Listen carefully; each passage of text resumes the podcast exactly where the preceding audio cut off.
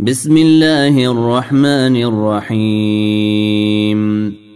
سبح اسم ربك الأعلى الذي خلق فسوى والذي قدر فهدى والذي أخرج المرعى فجعله غثاء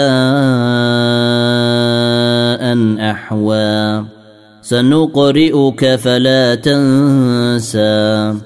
إلا ما شاء الله. إنه يعلم الجهر وما يخفى. ونيسرك لليسرى. فذكر إن نفعت الذكرى. سيذكر من يخشى ويتجنبها الأشقى. الذي يصلى النار الكبرى ثم لا يموت فيها ولا يحيا. قد أفلح من تزكى وذكر اسم ربه فصلى.